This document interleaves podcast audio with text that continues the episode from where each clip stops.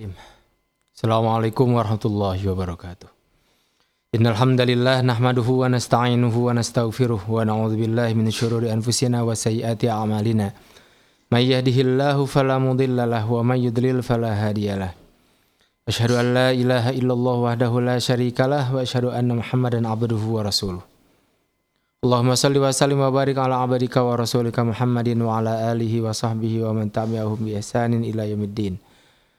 يا أيها الذين آمنوا اتقوا الله حق تقاته ولا تموتن إلا وأنتم مسلمون أما بعد فإن أصدق الحديث كتاب الله وخير الهدي هدي محمد صلى الله عليه وسلم وشر الأمور محدثاتها وكل محدثة بدعة وكل بدعة ضلالة وكل ضلالة في النار Ikhwati fillah kaum muslimin para pendengar Radio Riyadul Jannah 104,5 FM Tasikmalaya di mana pun berada. Azanullah iyakum.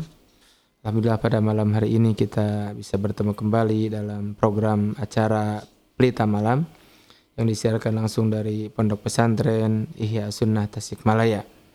Dan seperti biasa bahwa pembahasan untuk malam Senin ini adalah berkaitan dengan adab-adab Islam dan masih kita membahas tentang adab-adab makan.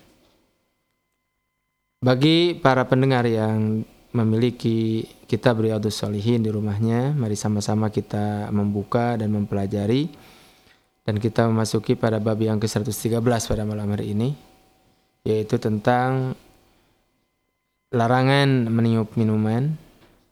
Kemudian insya Allah kita lanjut pada bab yang berikutnya yaitu berkaitan dengan larangan minum sambil berdiri atau dianjurkannya minum sambil duduk. Tapi khafillah iyyakum pada bab yang 113 al-muallif al-Imam An-Nawawi rahimahullah taala menyebutkan tentang dimakruhkannya meniup minuman. Judul ini mengindikasikan bahwa Al-Imam An-Nawawi rahimahullah taala menghukumi bahwa meniup minuman hukumnya adalah makruh. Tidak sampai ke kepada derajat haram. Jadi larangan yang ada yang berkaitan dengan meniup minuman ini tidak sampai kepada larangan pengharaman namun hanya sampai kepada derajat makruh yang artinya bahwa uh, tidak meniup minuman karena memang menimbulkan efek yang tidak baik, itu sebaiknya adalah ditinggalkan. Sebaiknya ditinggalkan sebagaimana hal tersebut dianjurkan dan diajarkan oleh Rasulullah Shallallahu Alaihi Wasallam. Dalam bab ini al-muallif membawakan dua buah hadis. Hadis yang pertama Qala rahimahullahu taala an Abi Sa'idin Al-Khudri radhiyallahu anhu an Nabiy sallallahu alaihi wasallam naha anin nafkhi fi syarabi. Faqala rajulun al-qadhatu araha fil ina. Qala ahrikha. Qala inni la arwa min nafasin wahid. Qala fa abinil qadaha idzan an fika. Rawahu at-Tirmidzi wa qala haditsun hasanun sahih. Dari Abu Sa'id Al-Khudri radhiyallahu an bahwa Nabi Shallallahu alaihi wasallam melarang meniup minuman. Naha an fi syarab. Melarang untuk meniup pada minuman. Lalu ada seseorang yang bertanya, Al-qadatu aroha fil ina. Bagaimana jika aku melihat ada kotoran di dalam bejana atau dalam tempat minum tersebut? Pakola maka beliau menjawab, ahrikha, tuangkan. Atau buang kotoran tersebut dengan cara menuangkan air yang ada kotorannya itu sampai kotorannya itu keluar ahrikha. Buang kotorannya atau tuangkan kotorannya tersebut sampai habis. Kola. Orang itu berkata lagi, Inilah arwa min nafasin wahid. sesungguhnya aku tidak puas atau tidak kenyang dengan meminum satu teguk saja. Qala maka Rasulullah Shallallahu alaihi wasallam menjawab, "Fa abinil qadaha idzan anfika." Kalau begitu, jauhkanlah gelas dari mulutmu. Hadis ini diriwayatkan oleh Imam At-Tirmidzi dan beliau mengatakan hadis ini adalah hasan sahih. Yukhadifillah hazallahu wa iyyakum. Dalam hadis ini kita bisa mendapatkan penjelasan tentang larangan untuk meniup minuman. Maksudnya adalah minuman yang ada di gelas, minuman yang ada di tempat yang airnya itu mungkin masih panas, maka tidak boleh kita meniupnya dalam bejana atau dalam tempat minum tersebut. Biarkan dia dingin. Biarkan dia memungkinkan untuk diminum. Jika memang tidak mungkin untuk diminum karena sangat panasnya, maka bersabar dulu bersabar dulu. Jangan sampai terburu-buru untuk minum, kemudian kita meniup-niupnya pada gelas tersebut. Dan ini banyak disaksikan ya, banyak ditemukan bahwa banyak di antara kita yang suka meniup minuman baik itu teh, teh ataupun air air putih ataupun air kopi karena masih panas lalu ditiup di di gelas tersebut di tempat minum tersebut. Ini dilarang oleh Rasulullah Shallallahu Alaihi Wasallam. Tentunya eh, di antara hikmah larangan tersebut sebagaimana yang pernah disampaikan bahwa dari mulut kita akan keluar kotoran ya. Baik dari nafas kita atau mungkin barangkali ada air liur yang keluar dari mulut kita kemudian jatuh di eh, gelas tersebut atau di air tersebut.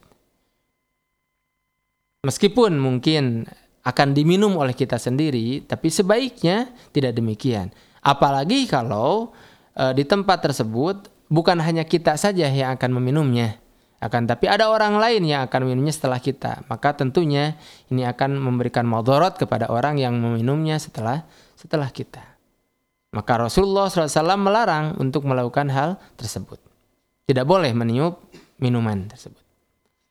Kemudian dalam ayat dalam hadis ini di ada orang berkata, bagaimana kalau ada kotoran di dalam air tersebut? Bagaimana caranya?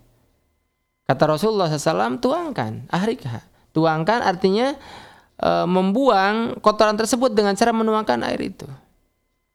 Mungkin tidak perlu sampai semuanya langsung dibuang. Ya.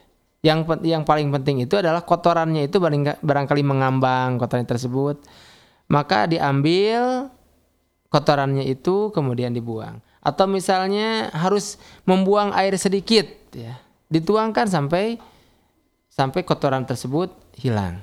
Tidak perlu ditiup-tiup. Tidak perlu ditiup-tiup. Kemudian bagaimana kalau seandainya uh, kita minum itu tidak bisa tidak kenyang dengan satu teguk? Kata Rasulullah SAW, uh, jauhkan tempat minum tersebut dari dari mulutmu. Kalau memang enggak ini, ya sudah diteguk satu teguk, kemudian bernafas dengan menjauhkan dulu gelasnya. Karena tidak apa namanya uh, seseorang itu kalau misalnya dia minum langsung dalam satu nafas, ya langsung dalam satu nafas seperti orang yang sangat kehausan setelah lari atau setelah main bola karena saking hausnya minumnya langsung seperti itu. Maka ini tidak benar. Minum dulu satu teguk. Biar lancar dulu. Biar memudahkan diterima oleh oleh usus kita gitu. Baru setelah itu di, dijauhkan dijauhkan apa gelas tersebut dari mulut kita, ambil nafas, kemudian diminum lagi kemudian dijauhkan lagi sampai tiga kali sebagaimana dulu pernah di, dijelaskan dalam dalam bab yang sebelumnya. Kalau memang tidak tidak puas dengan satu kali teguk, pinginnya dua teguk ya sudah, tapi jauhkan dulu. tempat itu dari dari mulut kita ambil nafas kemudian teguk lagi dan seperti itu.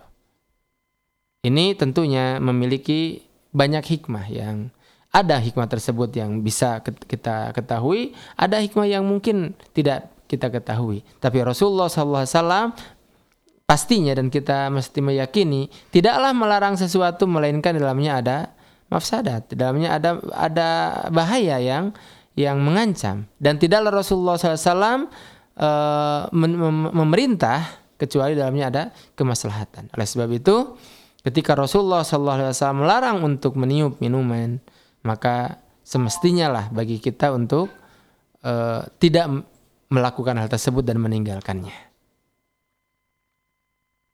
Kemudian hadis yang kedua dalam bab ini Wa ani ibni Abbas radhiyallahu anhu ma anna Nabiyya sallallahu alaihi wasallam naha an yutanaffasa fil ina'i aw yunfakha fihi.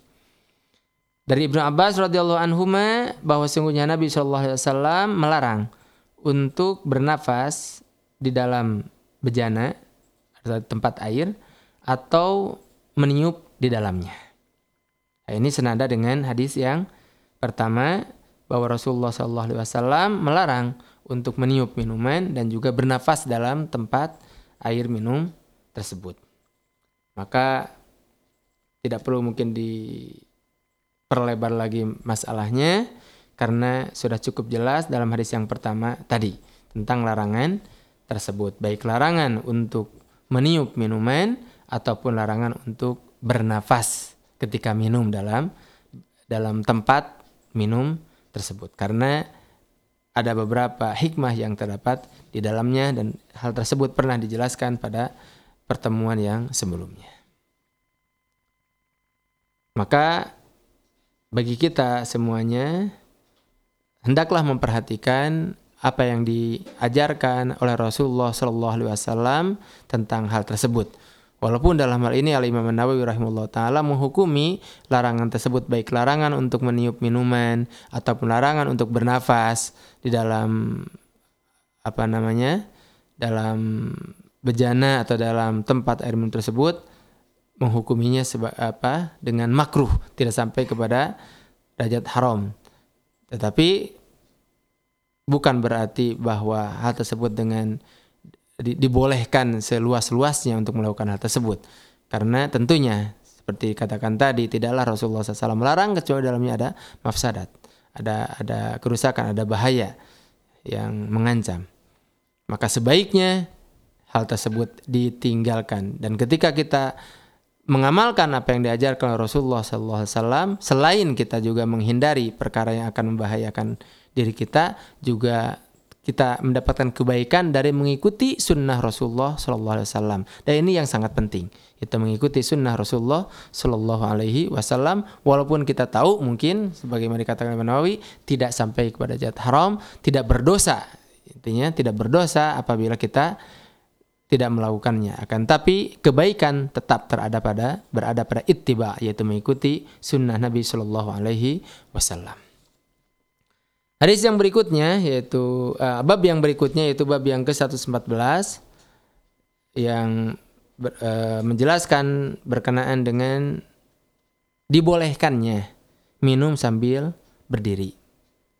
Jadi ada larangan tentang minum sambil berdiri, tetapi ada beberapa hadis yang menjelaskan bahwa minum sambil berdiri itu diperbolehkan jika ada udzur jika ada halangan, jika ada alasan yang memaksa uh, dia untuk minum sambil berdiri.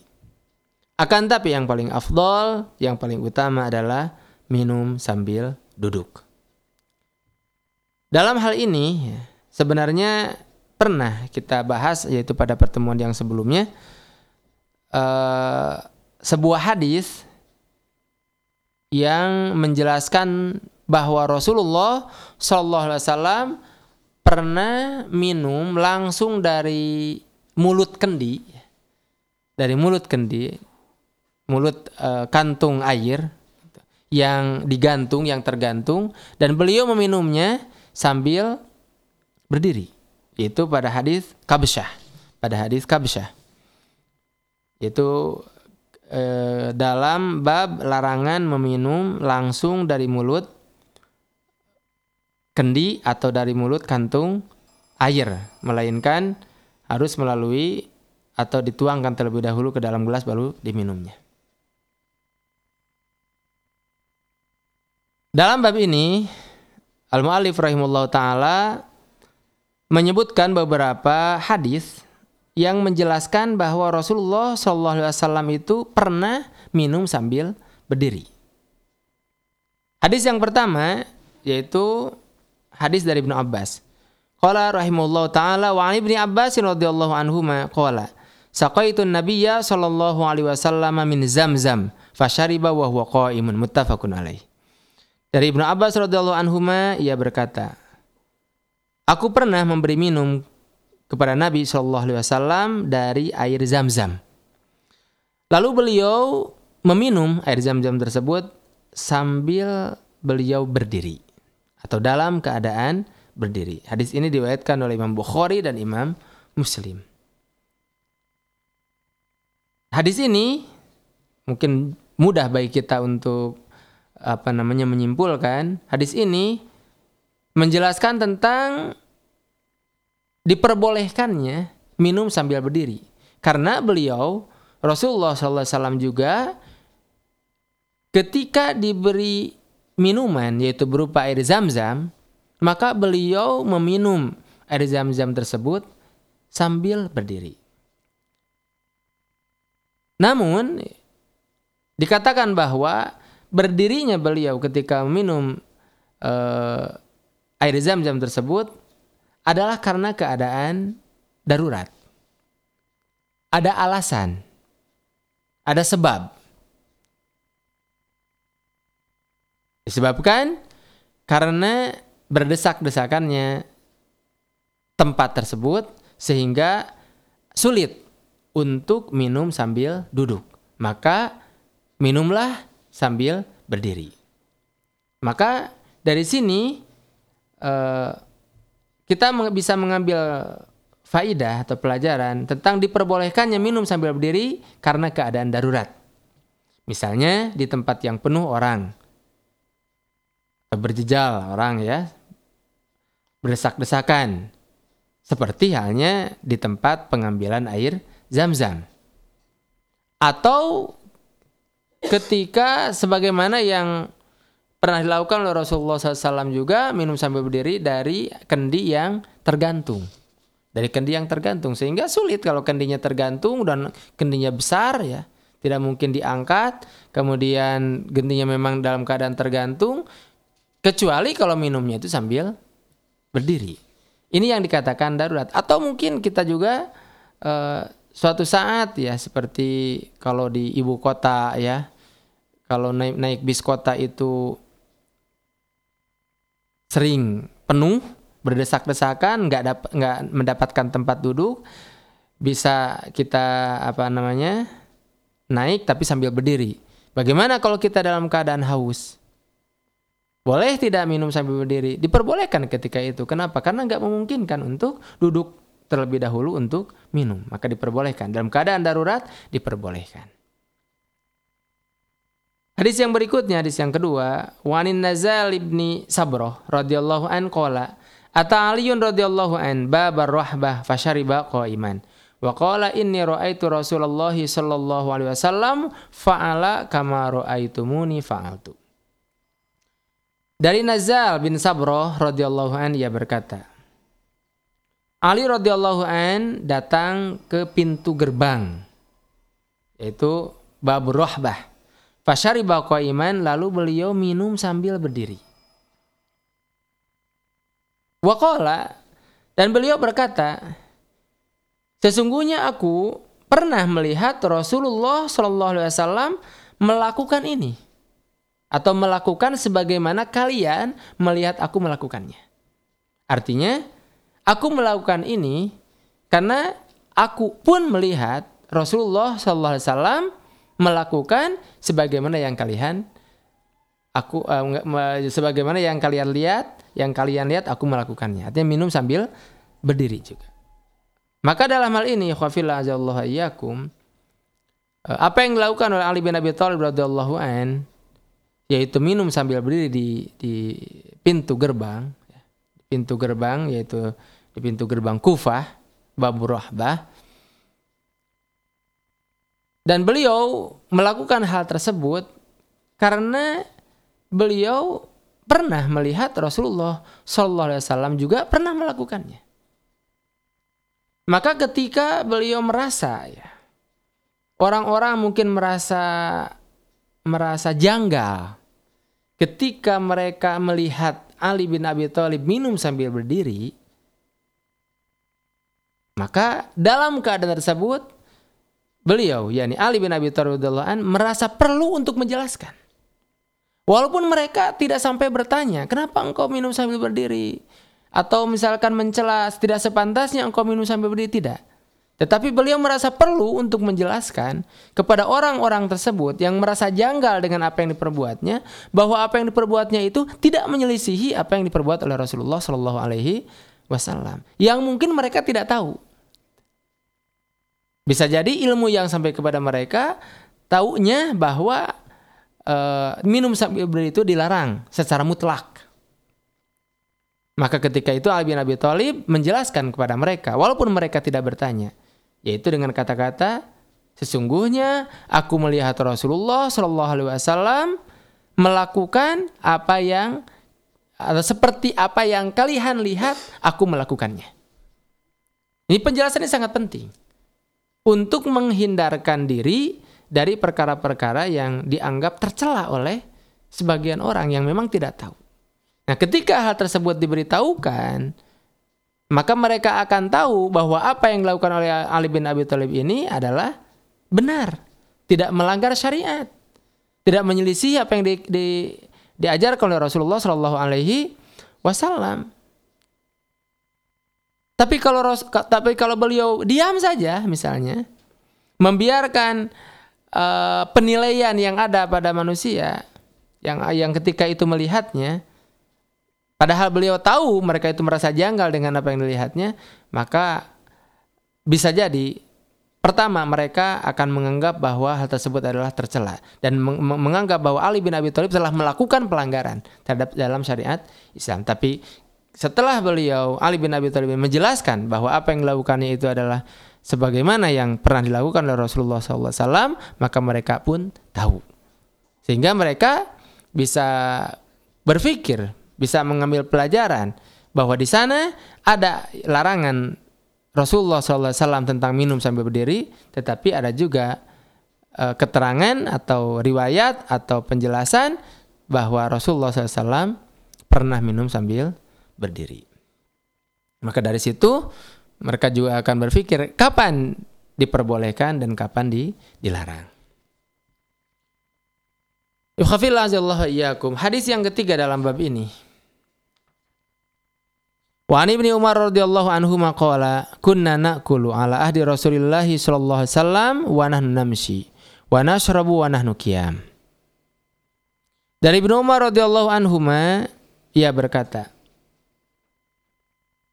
Dulu kami pernah makan yaitu pada masa Rasulullah Shallallahu Alaihi Wasallam kami pernah makan dan sedangkan kami berjalan atau makan sambil berjalan dan kami pun pernah minum dalam keadaan kami berdiri.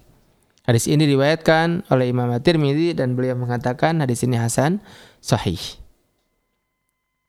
Saya kira cukup jelas ya tentang uh, isi daripada hadis ini bahwa para sahabat radhiyallahu anhum di antara Ibnu Umar radhiyallahu anhu dan Ibnu Umar ini sangat dikenal bagaimana uh, beliau sangat meneladani Rasulullah sallallahu alaihi wasallam sampai dalam perkara-perkara yang mungkin orang lain menganggapnya itu adalah perkara yang sepele. Tapi beliau Ibnu Umar radhiyallahu anhu ini sangat sangat terkenal dengan uh, kekuatannya mengikuti sunnah Rasulullah SAW. Tapi beliau mengatakan bahwa kami dulu pada masa Rasulullah SAW pernah makan sambil berjalan dan pernah minum sambil berdiri.